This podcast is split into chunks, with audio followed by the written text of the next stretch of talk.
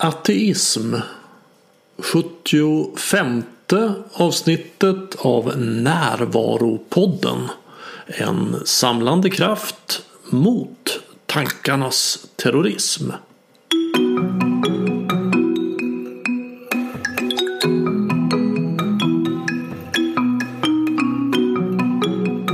Det här är Bengt Renander. Jag har, som de flesta människor, oerhört lätt att få tankar som väcker känslor som skapar upplevelser som inte är sanna. För mig handlar den här resan mot mer medvetenhet och närvaro om att vara kritiskt inställd till mina tankar och upplevelser och ständigt kolla är det här verkligen sant? På riktigt? I podden har vi nog oftast pratat om negativa tankemönster och hur man kan vakna upp ur dem. Men det är ju också angeläget att ifrågasätta sina tankar och upplevelser när de anger olika typer av lösningar på problem och ställa frågan Finns det god anledning att tro på detta? Den frågan är en värdefull följeslagare på vägen mot att bli mer medveten och närvarande. Jag för min del har inte hittat några goda anledningar till att tro på någon religion. Så när det kommer till de stora frågorna om världsalltets uppkomst och eventuella mening så är det enda svar jag kan ge jag vet inte. Jag är inte ute efter att presentera någon världsbild eller uppfattning som är den rätta. Var och en har rätt till sin egen. Men jag vill inspirera till att ofta, ofta, ofta ställa frågan Finns det god anledning att tro på detta? Här pratar jag med David Rönnergard som är doktor i filosofi och ordförande i förbundet Humanisterna om vad ateism innebär och om att tro utan bevisning. Om värdet i att söka sanningen. Om att de religiöst troende är ateister i förhållande till andra religioner om att religion är mer ett socialt fenomen än ett gudomligt. Om det farliga med budskap som inte får ifrågasättas. Om att man inte behöver ha en religion för att ha en moral. Om att de minst religiösa länderna har bäst skyddsnät för de utsatta. Om Gud finns så borde han kunna bevisa att han finns. Om teodicé-problemet kan Gud vara både fullkomligt god och allsmäktig när det finns så mycket ondska och lidande. Om argument för och emot att tillåta dödshjälp. Om ignostiker som menar att så länge vi inte definierat vad vi menar med Gud så blir frågan om Guds existens meningslös. Om reinkarnation och dödsångest. Om meningen med livet. Om att tillvaron och livet blir mer fascinerande utan Gud. Om sekulär andlighet om att ett andligt uppvaknande handlar om att vakna till verkligheten och om det finns grodor i Småland som är stora som elefanter. Här är David Rönnegard.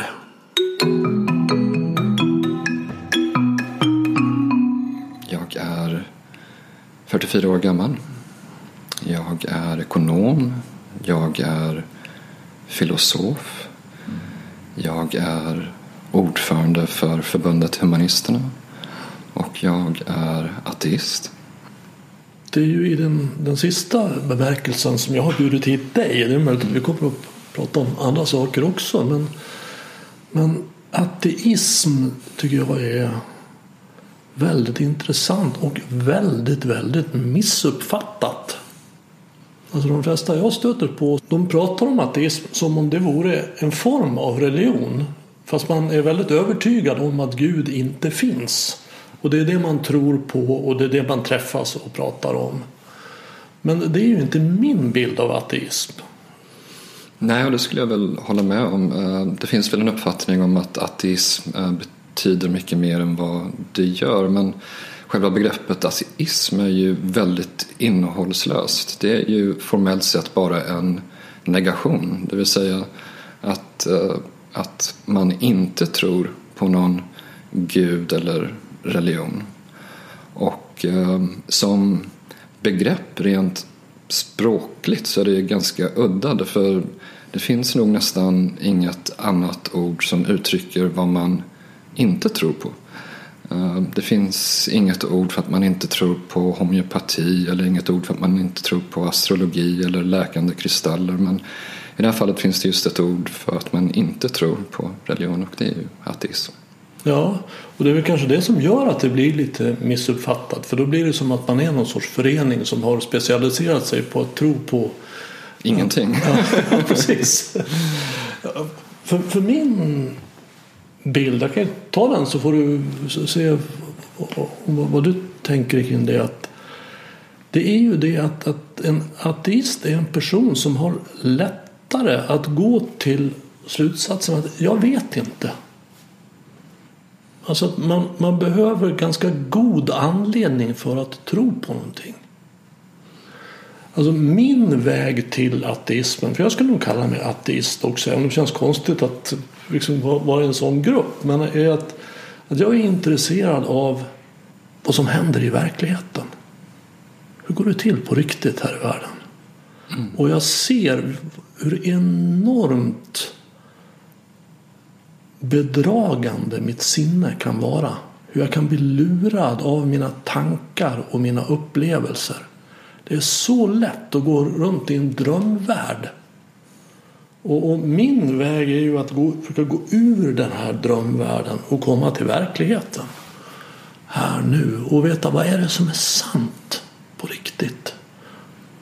Det jag tänker rent spontant när, när du säger det är att äh, att vi i Sverige, i det svenska språket, vi har ju ett ord för tro, både för den befogade tron och den religiösa tron. Äh, engelska språket är lite rikare på det viset att man har två skilda ord för detta. Man har belief och faith.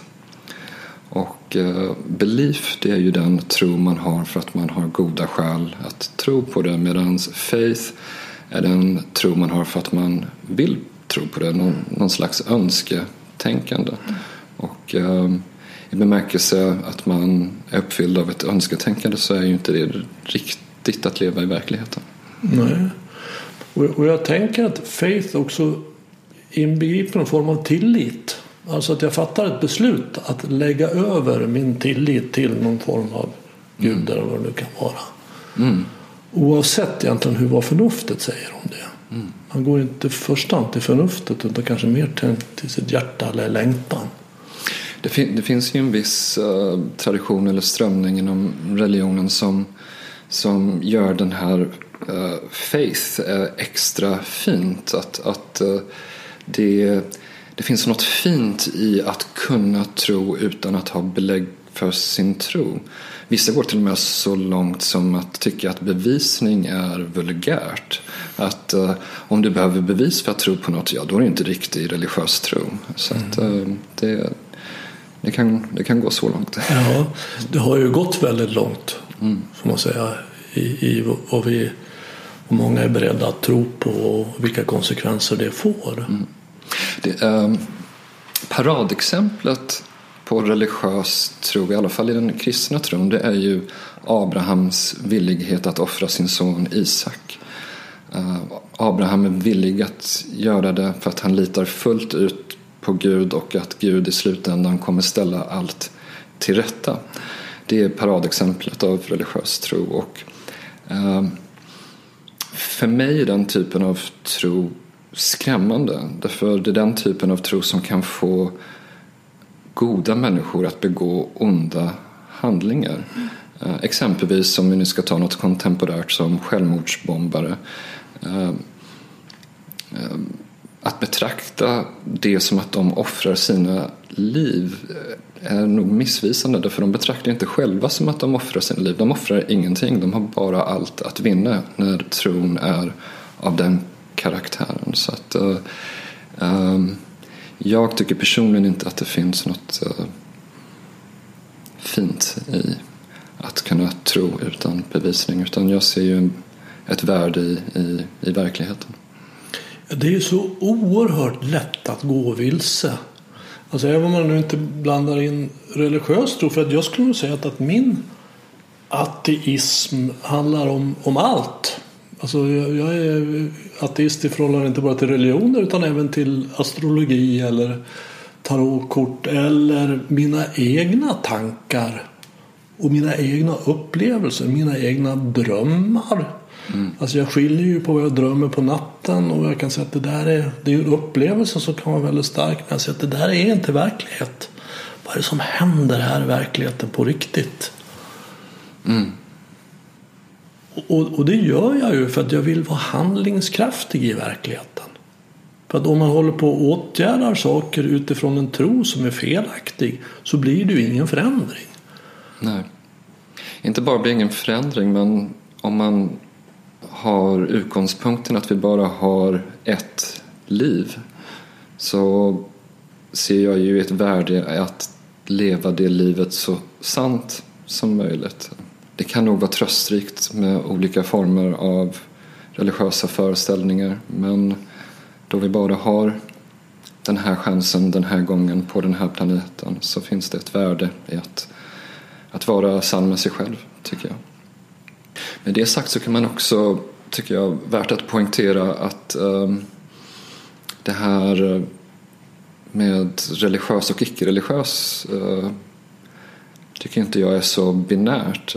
Jag skulle nästan vilja gå så långt som att säga att alla är ateister, även de som är religiöst troende. Och skälet till det är ju att de som är religiöst troende, de tror ju på sin egen religion men inte på några av de andra religionerna. Så att även de som är religiöst troende är ju ateister i relation till alla andra religioner. Just det. Mm. För de, har, de finner inte bevis, tillräckligt bevis för att tro på någon annan religion eller de är inte beredda att fatta beslutet att lägga sin tillit till någon annan religion. Jag skulle nog inte gå så långt som att säga att det har så mycket med bevisning överhuvudtaget att göra. Man kan med väldigt stor sannolikhet förutspå vad någon tror på beroende på var de är födda. Mm. Och givet att man kan göra det med stor sannolikhet så innebär det också att eh, det tyder ganska starkt på att religion är ett socialt fenomen och inte ett uh, gudomligt fenomen. Ja. Så, att det, så vad jag menar där är att det är ju uh, uh, Skälet till att man uh, ofta är muslim i Mellanöstern men kristen i Sverige har att göra med var man växte upp, vem ens föräldrar var och så vidare mer än någonting annat. Mm. Ja, det är det ju ingen som helst tvekan om. Och det är klart att det är ju väldigt svårt om man växer upp i en kultur där det finns ett väldigt stort tryck att man ska vara religiös och är du inte det då får inte du vara med mm. i den här gruppen. Och, och, det är ju det värsta öde som kan drabba en människa. Det är ju lika med döden att inte få vara med i flocken. Så det är klart att då, då tar jag hellre in det här som blir mer en, en sorts kultur med ceremonier och, och, jag vet ju inte riktigt i, i vilken grad man faktiskt tror. Ja, det, ju det här graden av tro är ju ofta det som skiljer tro och vetande. Mm. Det, att man, det, uh, vetandet är väl den tro man lägger en väldigt stor uh, sannolik på att det är sant medan tro blir då kanske uh, det som är mindre säkert. Mm.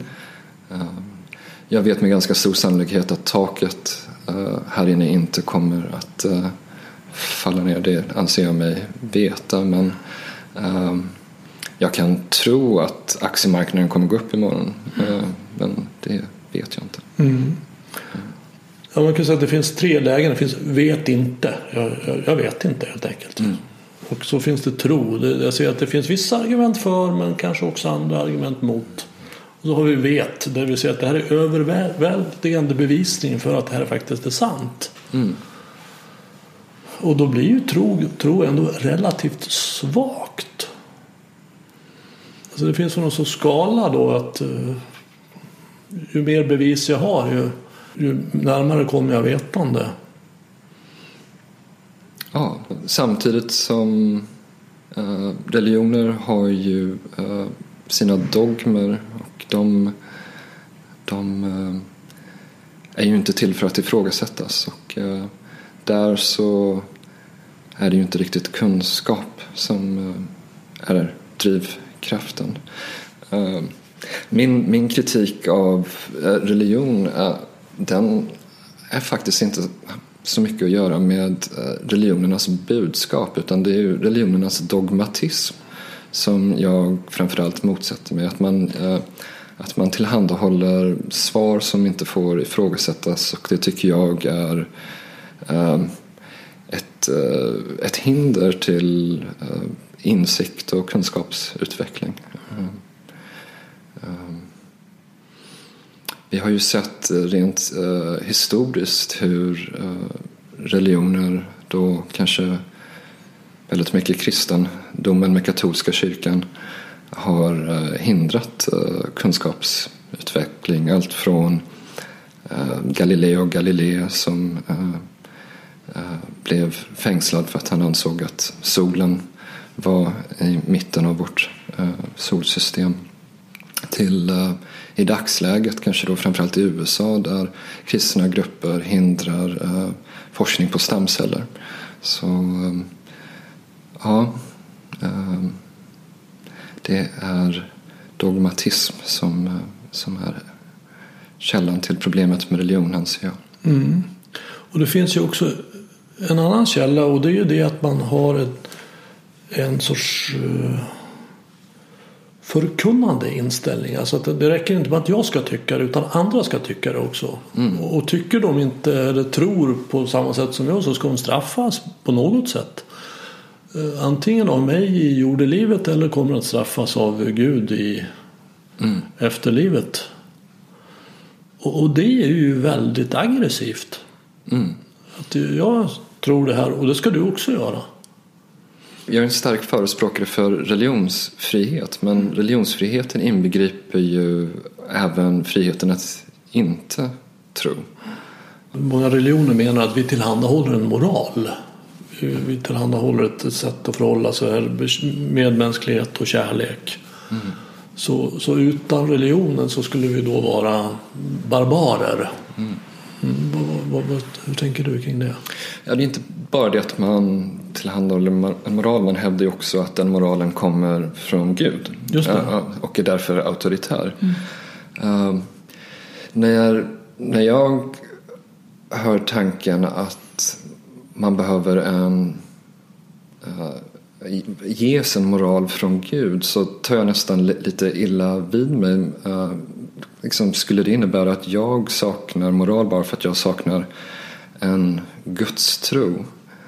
Eh, innebär det att de som själva har en gudstro, skulle de tappa den gudstron så kommer de direkt gå ut på gatan och börja mörda och våldta. Eh, det har jag svårt att tänka mig. Den, det, det är ju uppenbart att moralen kommer från oss själva. Eh, den kommer från vårt förnuft och vår, vårt medlidande och empati med, med andra människor. Och jag tror också att man kan eh, hitta att så är fallet även i religiösa texter. När, när Moses vandrade i öknen i 40 år innan han kom till eh, Sinaiberget och fick de tio budorden. eh, visst tusan visste de judiska stammarna att mord var fel innan dess. De, de hade inte kommit fram till berget hade de gått runt och mördat varandra. Så att, att, eh, att Gud sa att mord var fel, det, det, visste de redan. Det behövde man inte veta. Och det, det visar ju att, att vi har moralen inneboende hos oss. Om det vore så att, att det fanns en utbredd kan man också säga, moral är också ett begrepp som man behöver prata om. Vad menar man med det? Och rätt och fel, vad menar man med det? Men om man säger att det, det är inte rätt att döda till exempel. Så, så är det någonting som man kan hålla som en moralisk eh, kompass. Men om man lägger kartan över de mest religiösa länderna på jorden. Man lägger, markerar var de finns och sen så tar, markerar man var det finns flest väpnade konflikter i jorden. Mm. På jorden så överensstämmer de två ganska väl. Mm. Alltså väldigt mycket våld och mord utövas i religionens namn. Det har gjort det historiskt och det, det gör det eh, fortfarande. Ja, och det är ett argument mot att religionen skulle stå för någon sorts moral. Ja, om du, om du också gör en liknande kartläggning över länder där människor är väldigt religiöst troende och vilka eh, sociala skyddsnät de har byggt upp i de samhällena så är det ju i de länderna med lägre religiös tro som har eh, högre eh, sociala skyddsnät för de mest utsatta i samhället. Så att Eh, Eh, att, att eh, vi som inte är troende skulle sakna moral, det, det har jag väldigt svårt att förstå. Eh, kolla bara på Sverige. Sverige betraktas ju i många sammanhang som världens mest sekulariserade land. Många undersökningar visar på att bara ungefär 73 procent av svensk 73 procent av svenska befolkningen anser att de inte tror på någon religion över huvudtaget. Men vi har kanske en av världens bästa eh, sociala skyddsnät. Mm. Ja, det är ju ett bra argument då för att, att, att det är inte religionen som står för moralen utan det är människan. Mm. Och att vi kan lätt... För jag tycker problemet blir när jag ska börja tro på saker inte av någon annan anledning än att de är sagda av någon eller att det står någonstans så är det ju så lätt att gå vilse. Mm. Tappa bort sig. Istället för att själv undersöka, låter det här vettigt? Är det här vad jag vill? Är det här sant? Kan det här stämma? Det är ju en väldigt bra inställning i den här världen där det finns så otroligt mycket som är så fel och så konstigt och så ute och cyklar. Om jag berättar för dig att uh, det finns grodor i Småland som är stora som elefanter. Mm. Då kommer du vilja se lite bevis på det innan du tror på det. Mm. Och uh, så förhåller vi oss till allt här i världen förutom religion verkar det som. Där det verkar vara en dygd att tro utan tillräcklig bevisning. Ja, och där tänker jag att, att om om Gud fanns så vore det ju ingen sak för honom att komma hit och bevisa det. Alltså jag är beredd att tro på Gud. Det är inte det att jag säger att, att Gud inte finns. Men så om Gud skulle landa här i, i någon form och visa att jag är Gud och det är så här det hänger ihop. Mm. Okej. Okay. Då skulle jag också tro på det. Ja, intressant. Wow, skulle jag säga. Fantastiskt. Är du god också? så vore ju det underbart.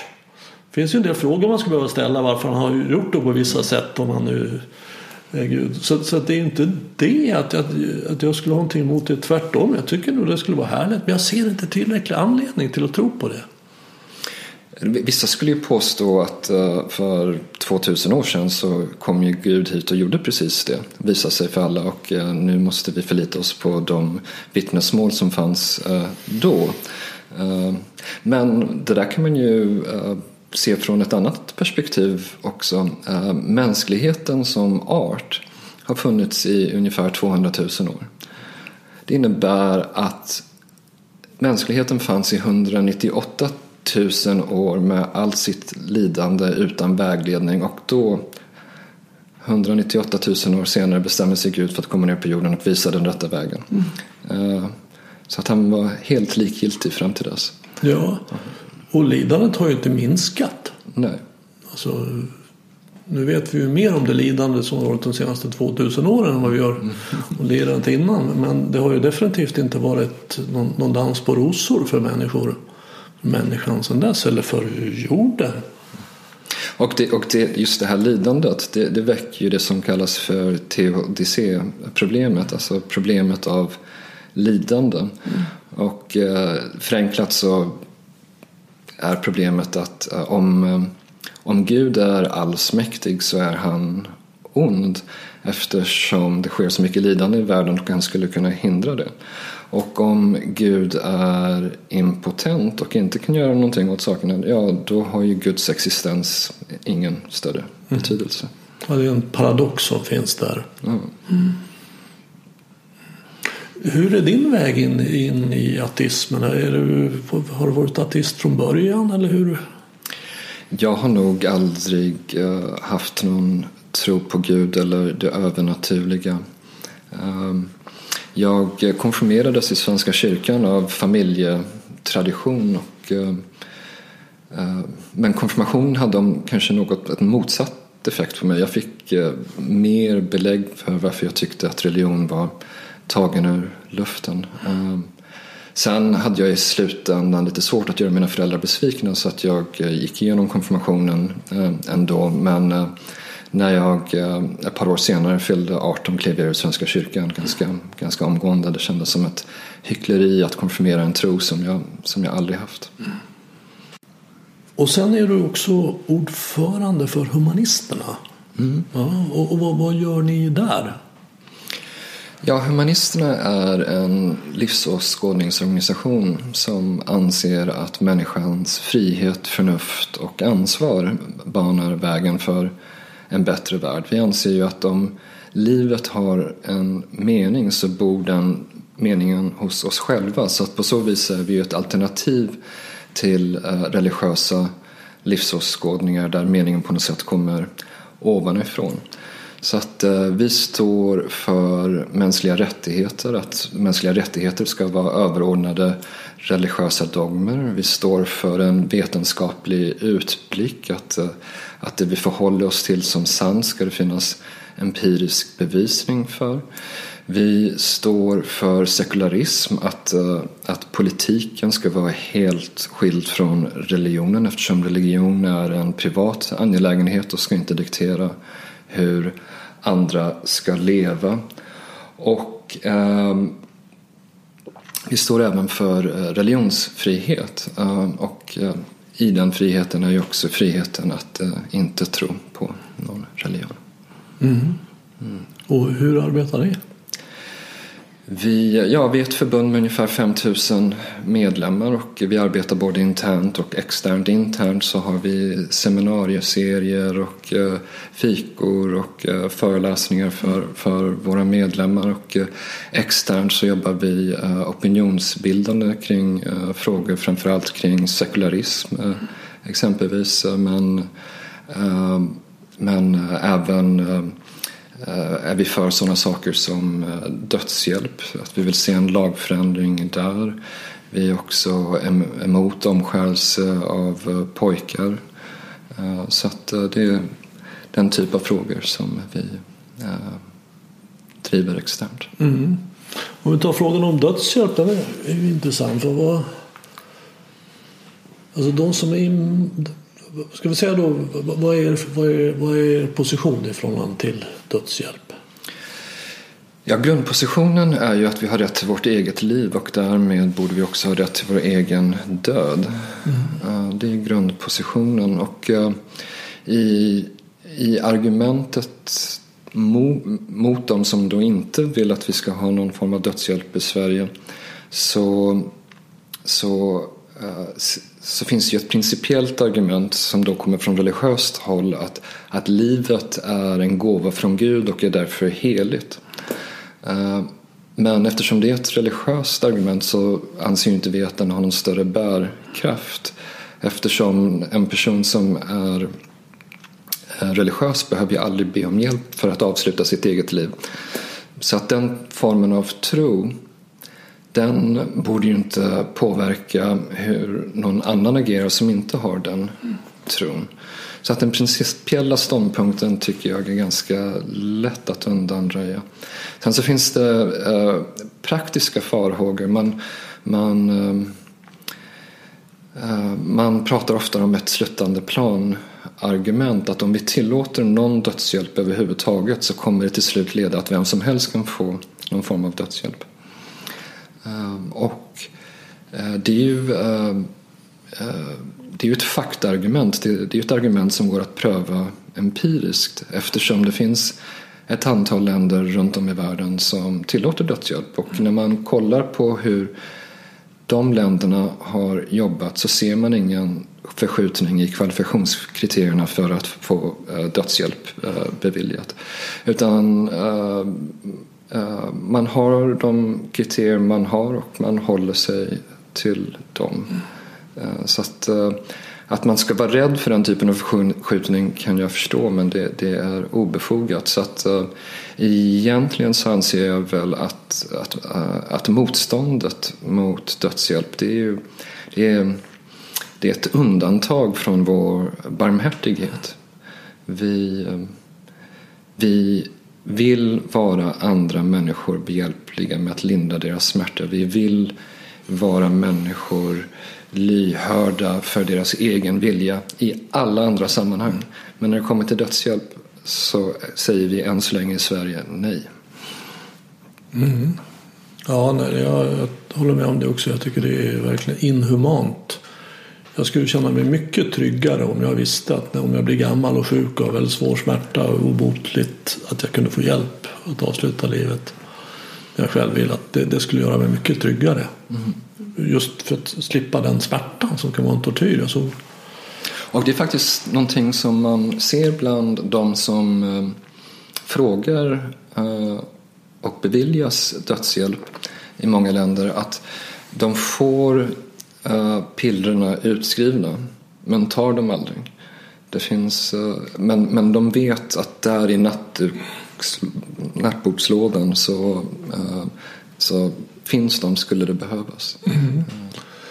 Men man tänker väl då att det kan vara en ung människa som är med i en olycka, blir handikappad på något sätt och känner att livet är meningslöst och så får du dödshjälp. Men sen efter ett år eller två kan hitta en ny mening eller en och blir då berövad det. Det mm. skulle vara ett argument mot dödshjälp som jag tycker i och för sig är rimligt. Men, men det ingår väl i Alltså de, de dödshjälpsmodeller som finns i olika mm. länder, de flesta skulle inte tillåta det exempel som du precis tar upp. Nej.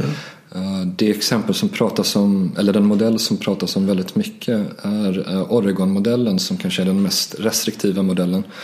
Och den modellen kräver att en människa uh, lider av en obotlig sjukdom som kommer att leda till att patienten dör inom sex månader och att detta verifieras av två oberoende läkare. Mm. Uh, sen så finns det uh, Benelux-modell och en schweizisk modell som skiljer sig lite åt från dem och är kanske lite mindre restriktiva men, men de flesta modeller är väldigt restriktiva. Mm. Det finns en, en, paradox också som jag skulle vilja prata med dig om i det här med att, att vara religiös och tro på Gud. För jag tänker om jag vore religiös och trodde på Gud då skulle jag tro att Gud fixar det här utifrån på bästa sätt. Så jag behöver inte ge mig in i det där så mycket.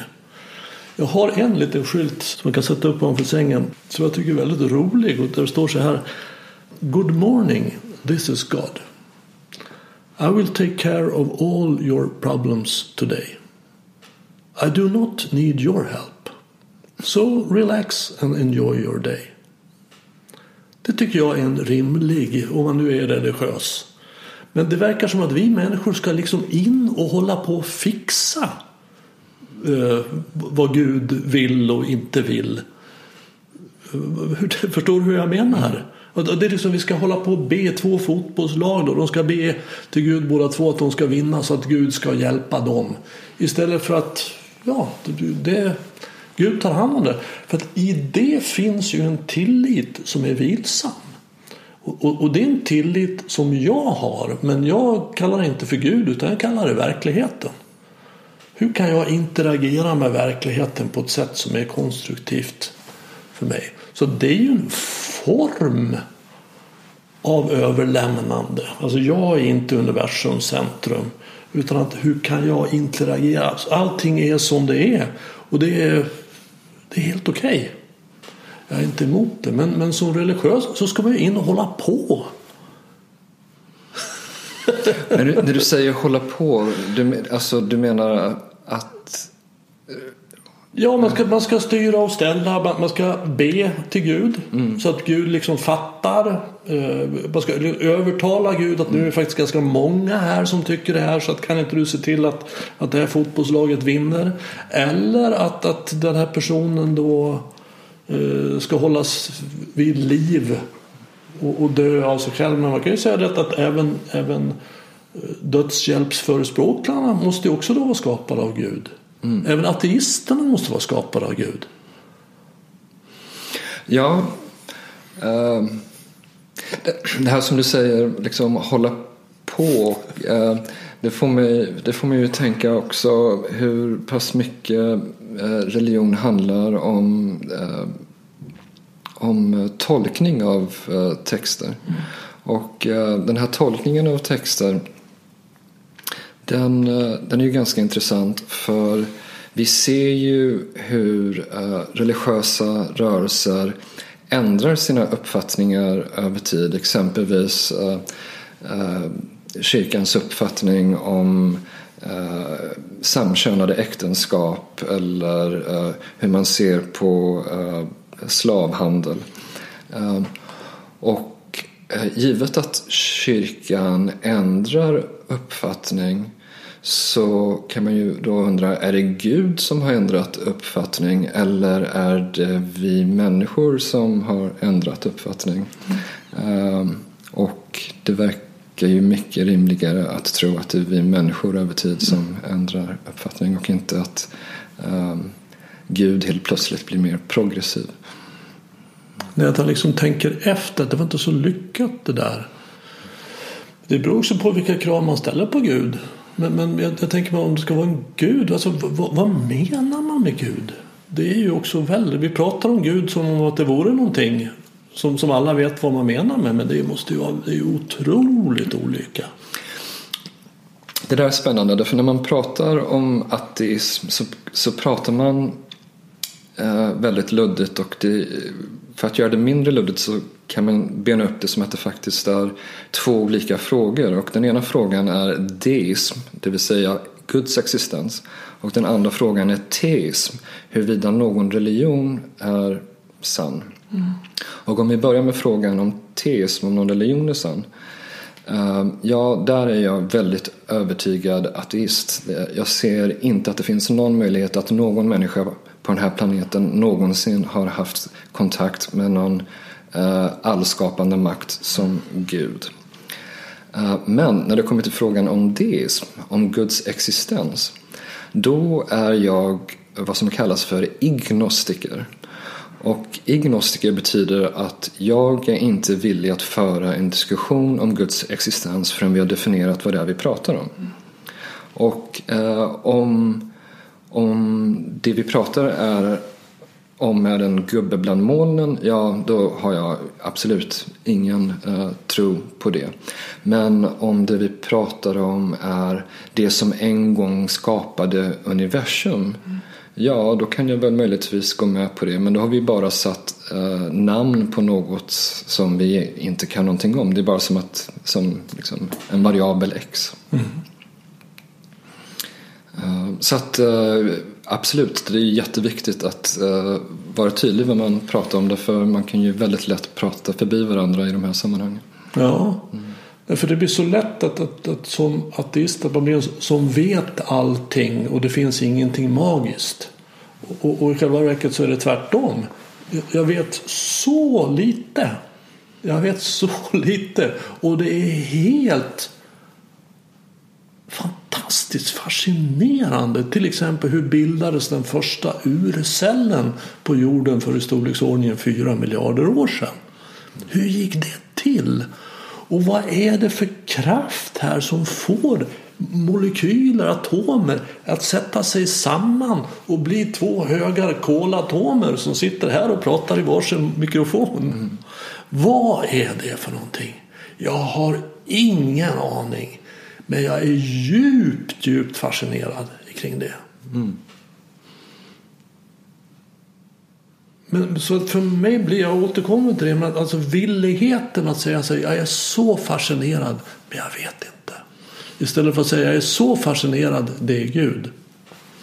Men jag har, jag har viss förståelse för det, för vi människor är äh, varelser som som söker svar och vi känner oss väldigt obekväma med att inte ha svar. Vilket innebär att i brist på goda svar så kan vi väldigt lätt nöja oss med dåliga svar. Och det är där man ofta tar hjälp av gudsbegreppet. Istället för att vara bekväm med att säga jag vet inte så säger man Gud. Uh, ja. Ja, för att, att jag tycker det är väldigt vanligt när man träffar människor som säger så ja, nej, jag, jag, är, jag är inte kristen. Eller, men, men jag tror på någonting, säger de. Och, och jag är ju förvånad över hur vanligt det är att tro på reinkarnation. Mm. Det är ju väldigt vanligt. Hur pass vanligt då? Ja, jag tycker att jag stöter på det väldigt ofta. Jag har flera gäster här i podden som, som, som pratar om det. Och när man ställer följdfrågan varför tror du på det? Vad får man för svar då? Alltså, jag är ju primärt in, inte hit gästerna för att få dem att ändra åsikt. Men jag tror att det har att göra med en, en längtan efter någonting större. Och jag tror just i fallet reinkarnation så tror jag att det har att göra med vår dödsångest. Alltså, när min mamma dog, när hon låg på dödsbädden, så sa hon så här att, att jag, hon, mina föräldrar var inte speciellt religiösa alls. Men hon, hon, hon, sa det, att jag är inte speciellt religiös. Men jag, jag tror att jag kommer att återförenas med Thomas, då, min pappa, och, och hunden Jass som de hade. Jag tror att jag kommer att få möta dem på andra sidan. Då är ju inte jag den som säger så här, mamma det, det är högst osannolikt. Mm. Utan jag nickar varmt och kärleksfullt till henne och låter henne tro på det. För det är en hjälp för henne. Jag ser det, det är en tröst för henne. Och jag tror att det fungerar så. Det är en sorts tröst, för det är ju en, en ganska märklig tanke att, att, att i alla fall i förstone tänka att jag inte kommer att finnas. Men jag tänker att, att det är inte någon större nyhet för det har varit väldigt lång tid då jag inte har funnits tidigare och det var inget problem. Mm. Vare sig för mig eller för mänskligheten. Jag, jag skulle gissa att eh, en, en, en av skälen som uh, lockar mycket med religion är ett sätt att lindra vår dödsångest. Mm. Uh, därför religion erbjuder ett svar som är det absolut mest tröstande man kan höra. Nämligen det där med döden som du är så rädd för. Det behöver du inte oroa dig om. Det, det fixar vi. Du, du kommer fortsätta att leva. Um, och allt annat än det svaret kommer vara mindre tröstande. Så att, eh, jag anser ju att man kan finna tröst som sekulär humanist i, i, i kärleken och tilliten till sina medmänniskor. Men det kommer aldrig vara lika tröstande som att nej, du kommer aldrig dö. Mm. Så, att, eh, så att den lockelsen kan jag förstå. Eh, men jag, jag vänder mig inte dit därför jag anser ju att det finns ett värde i att stirra sanningen i, i vitögat. Ja, att leva i verkligheten mm. skulle jag säga. Ett annat sätt att uttrycka det så kanske lite mer attraktivt. att, ja. att, att, vad är det som händer? Och i full vetskap om att, att vad det är som händer egentligen, egentligen, det får jag förmodligen aldrig veta. Men min strävan går dit. Att sträva efter vad, vad är det som händer på riktigt här? Vad är sant på riktigt? Men, men det som är lite märkligt med den här trösten beträffande eh, eh dödsångesten som religionen kan erbjuda är ju att eh, religionen kan också skapa raka motsatsen. Eh, så som du antydde tidigare så finns det väl inget skrämmande med döden. Den, den är väl inte nämnvärt annorlunda än den tystnad som man en gång kom ifrån. Eh, men för att vara riktigt rädd för döden så krävs ju nästan religion. Därför det är bara då eh, sådana saker som en helvetestanke mm. uppstår. Att man på något sätt när, när, när ögonen slocknar på den här planeten så ska man ställas inför liksom, tals och möjligtvis straffas i all evighet. Det är ju, det är ju extremt skrämmande. Om man nu verkligen tror på det. Mm. Ja, det, det är ju en väldigt effektiv påtryckningsmedel för att om, om du inte tror så kommer du att hamna i helvetet.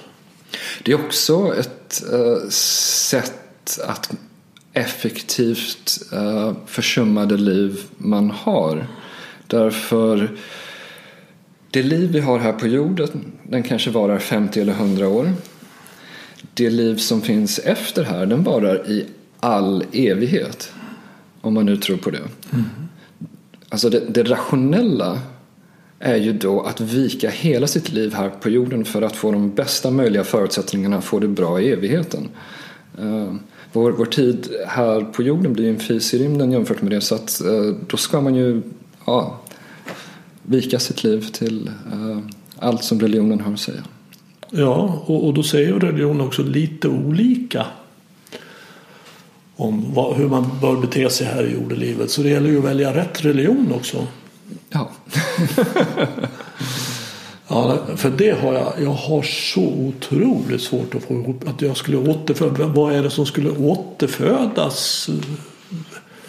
Är det jag nu eller jag den, den sinne som jag har när jag dör? Eller, alltså, det, med, med alla sjukdomar man eventuellt har när man dör? Eller Ja, är det liksom... kroppen som, som återföds? Är det... Alltså, hur kan man, om, om det är jag i en annan kropp, hur kan man påstå... Alltså, vi har ju så lätt att, att, att tänka och även säga till exempel att om jag vore du. Det, det kan man ju säga. Mm. Och också, då, då, skulle jag göra så här. Men om vi tittar närmare på den utsagan så om jag vore du så vore jag ju du. Mm. Det vore ingen som helst skillnad. Jag tror ofta man menar om jag var i din situation. Just det, precis. Absolut. Men, men vi, vi kan tänka så. Att mm. om jag vore du. Mm. Så, så, så, skulle Alltså om jag vore Eh, ja, någon som hade levat tidigare då. En, en riddare på 1700-talet. Vore det jag? Och om jag då ska återföra. Alltså, jag får inte ihop det överhuvudtaget. Alltså, min tro är ju att den här materian och energin jag består av den har ju för sig alltid eller funnits då så länge solsystemet har funnits. Och just nu omsätts den i form av mig, ungefär som ett levande ljus har en, har en, en låga. Och, och, när det ljuset har brunnit ner så slocknar lågan. Ljuset är borta och den lågan är borta för alltid. Den har inte funnits tidigare, inte funnits, kommer inte att finnas igen.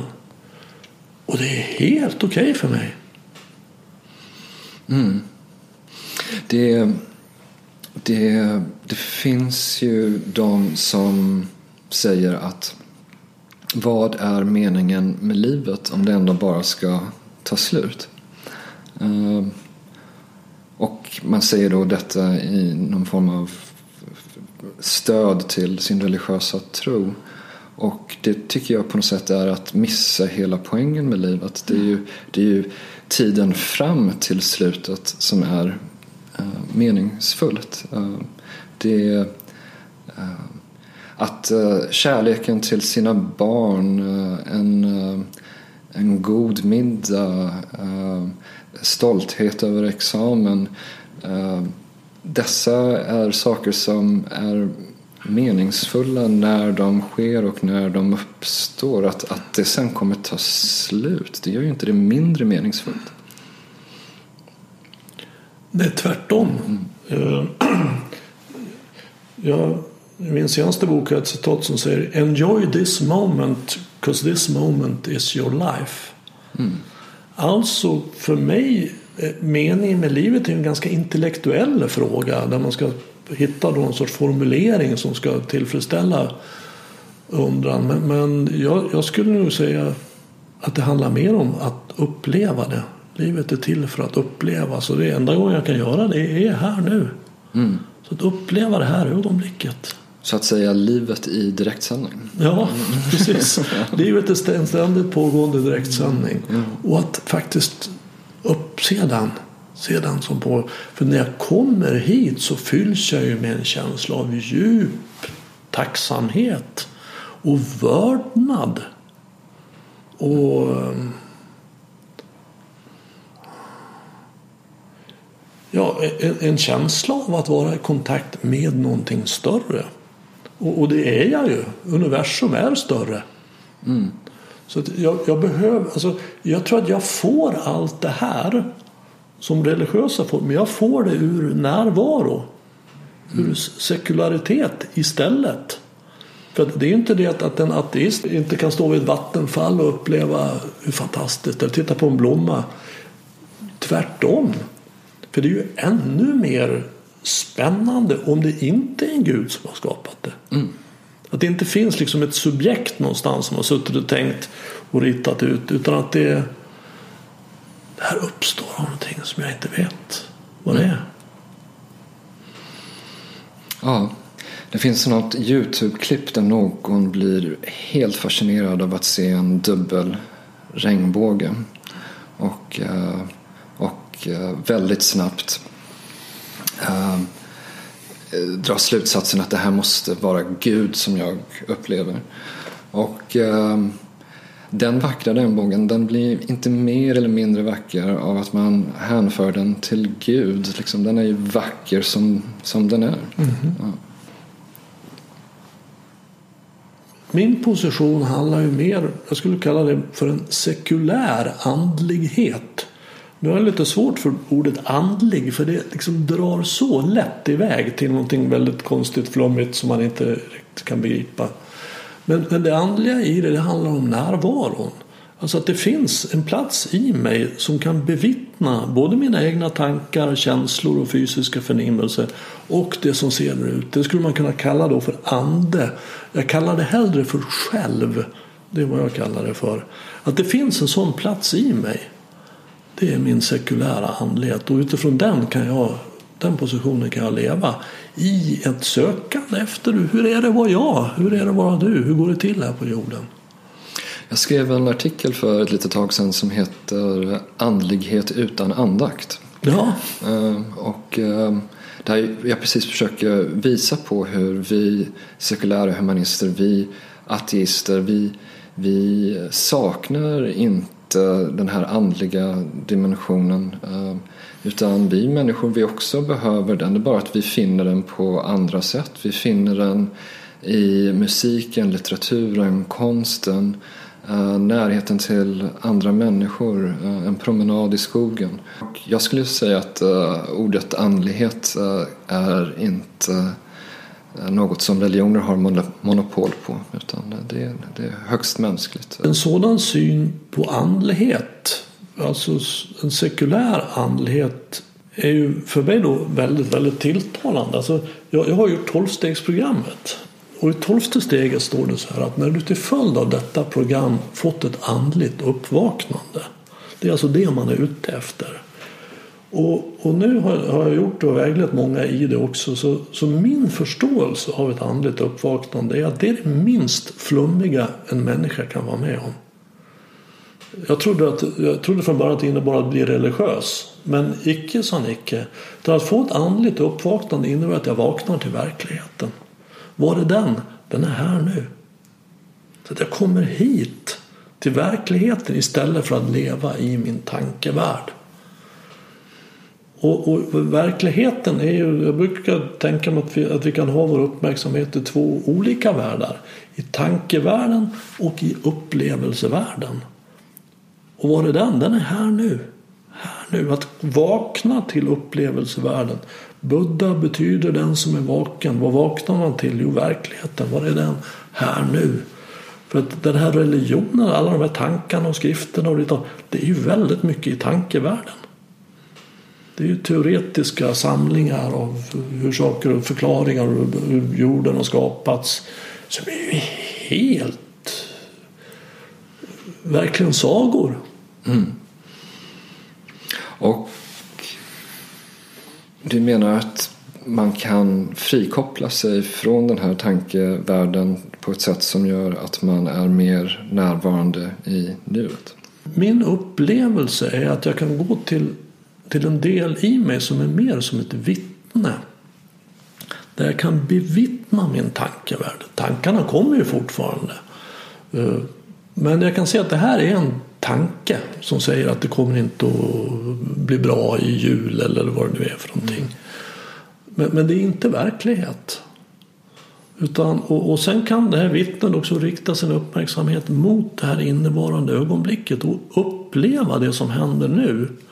Och alla upplevelser är ju faktiskt väldigt svåra att fästa i ord. Alltså bara att eh, ta, dricka te. Hur upplever, hur, hur upplever hur smakar det? Hur doftar det? Så att vi står ju väldigt fattiga när vi ska beskriva upplevelser faktiskt. Men vi kan uppleva dem helt och fullt. Det är inget svårt att uppleva teet. Så att, att rikta uppmärksamheten från tankevärlden där det pågår en väldig massa historier om en det ena, en det andra till upplevelsevärlden här nu.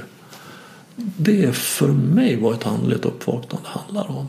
Och det är ju väldigt oflummigt för att tankevärlden är otroligt flummig upplevelsevärlden är mycket, mycket konkret.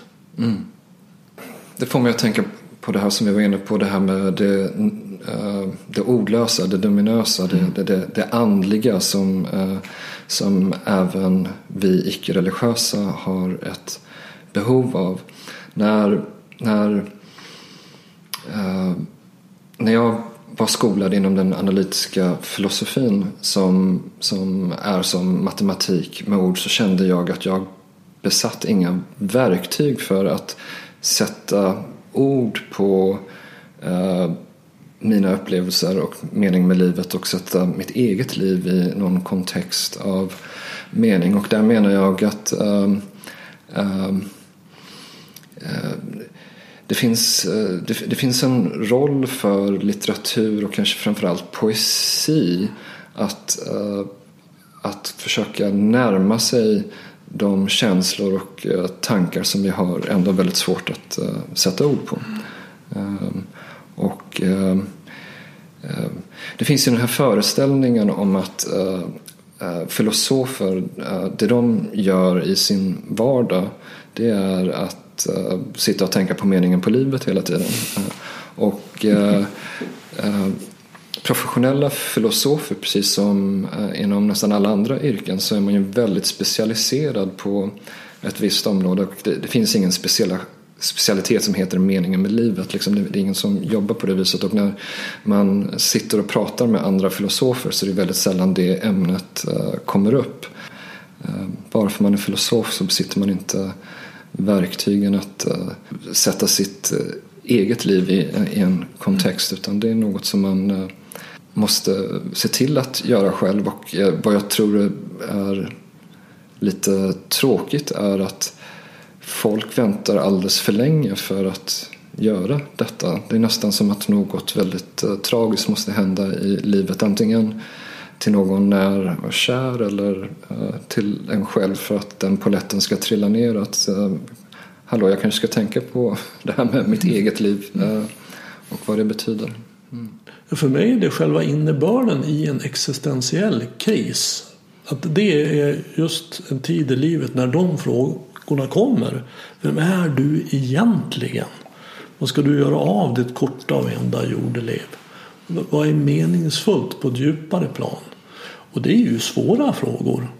Men det är också väldigt bra frågor mm. att ställa sig vid några tillfällen i livet. Och, och det är ju sannerligen inte lätt att vara människa. Alltså att vara en apa som kan tänka, det är ingen, det är inte, det är inte alls okomplicerat. Det är ju del av den mänskliga tragedin. Vi är troligtvis det enda djuret på den här planeten som är medvetna om vår egen förgänglighet. Ja. Mm. Och, och, och, det är inte lätt. Och, och, det är inte heller lätt att hur förhåller jag mig till andra. Och nu är inte ofta jag har en så välutbildad filosof framför mig så är man möjligen ut på tunn is. Men, men min bild är att, att de filosofiska inriktningar som man pratade om för ungefär 2000 år sedan. Alltså filosofierna handlade om hur, hur lever man ett bra liv som människa. Alltså det var en sorts guidning och vägledning i hur jag kan ja, svara på de här existentiella frågorna. Och det här var ju innan de stora religionerna hade tagit över. Mm. Och där har vi då ja, cynismen, hedonismen. Eh. Men sen kom religionerna och tog över det här. Som handlar om att, att hur, hur ska jag vara som, leva ett bra liv som människa? Jo, gör så här som står i boken. Medan de andra filosofiska inriktningarna handlar ju mer om att tänka själv. Mm. Alltså, jag menar, även de gamla grekerna hade ju gudar som de trodde på men de gudarna var ju kanske inte lika... Eh, de hade inte så mycket att eh, säga om mänskligt eh, beteende utan det var mer att man bad till dem för att få egen eh, lycka. Eh, det var ju eh, först sen med, med eh, judendomen, kristendomen och islam som monoteismen och den personliga guden kom in i bilden och eh, man eh, eh, fick fler regler att förhålla sig till. Mm. Men skulle det stämma det? Skulle du säga att de här gamla filosofiska inriktningarna var en, egentligen en utbildning i levnadskonst?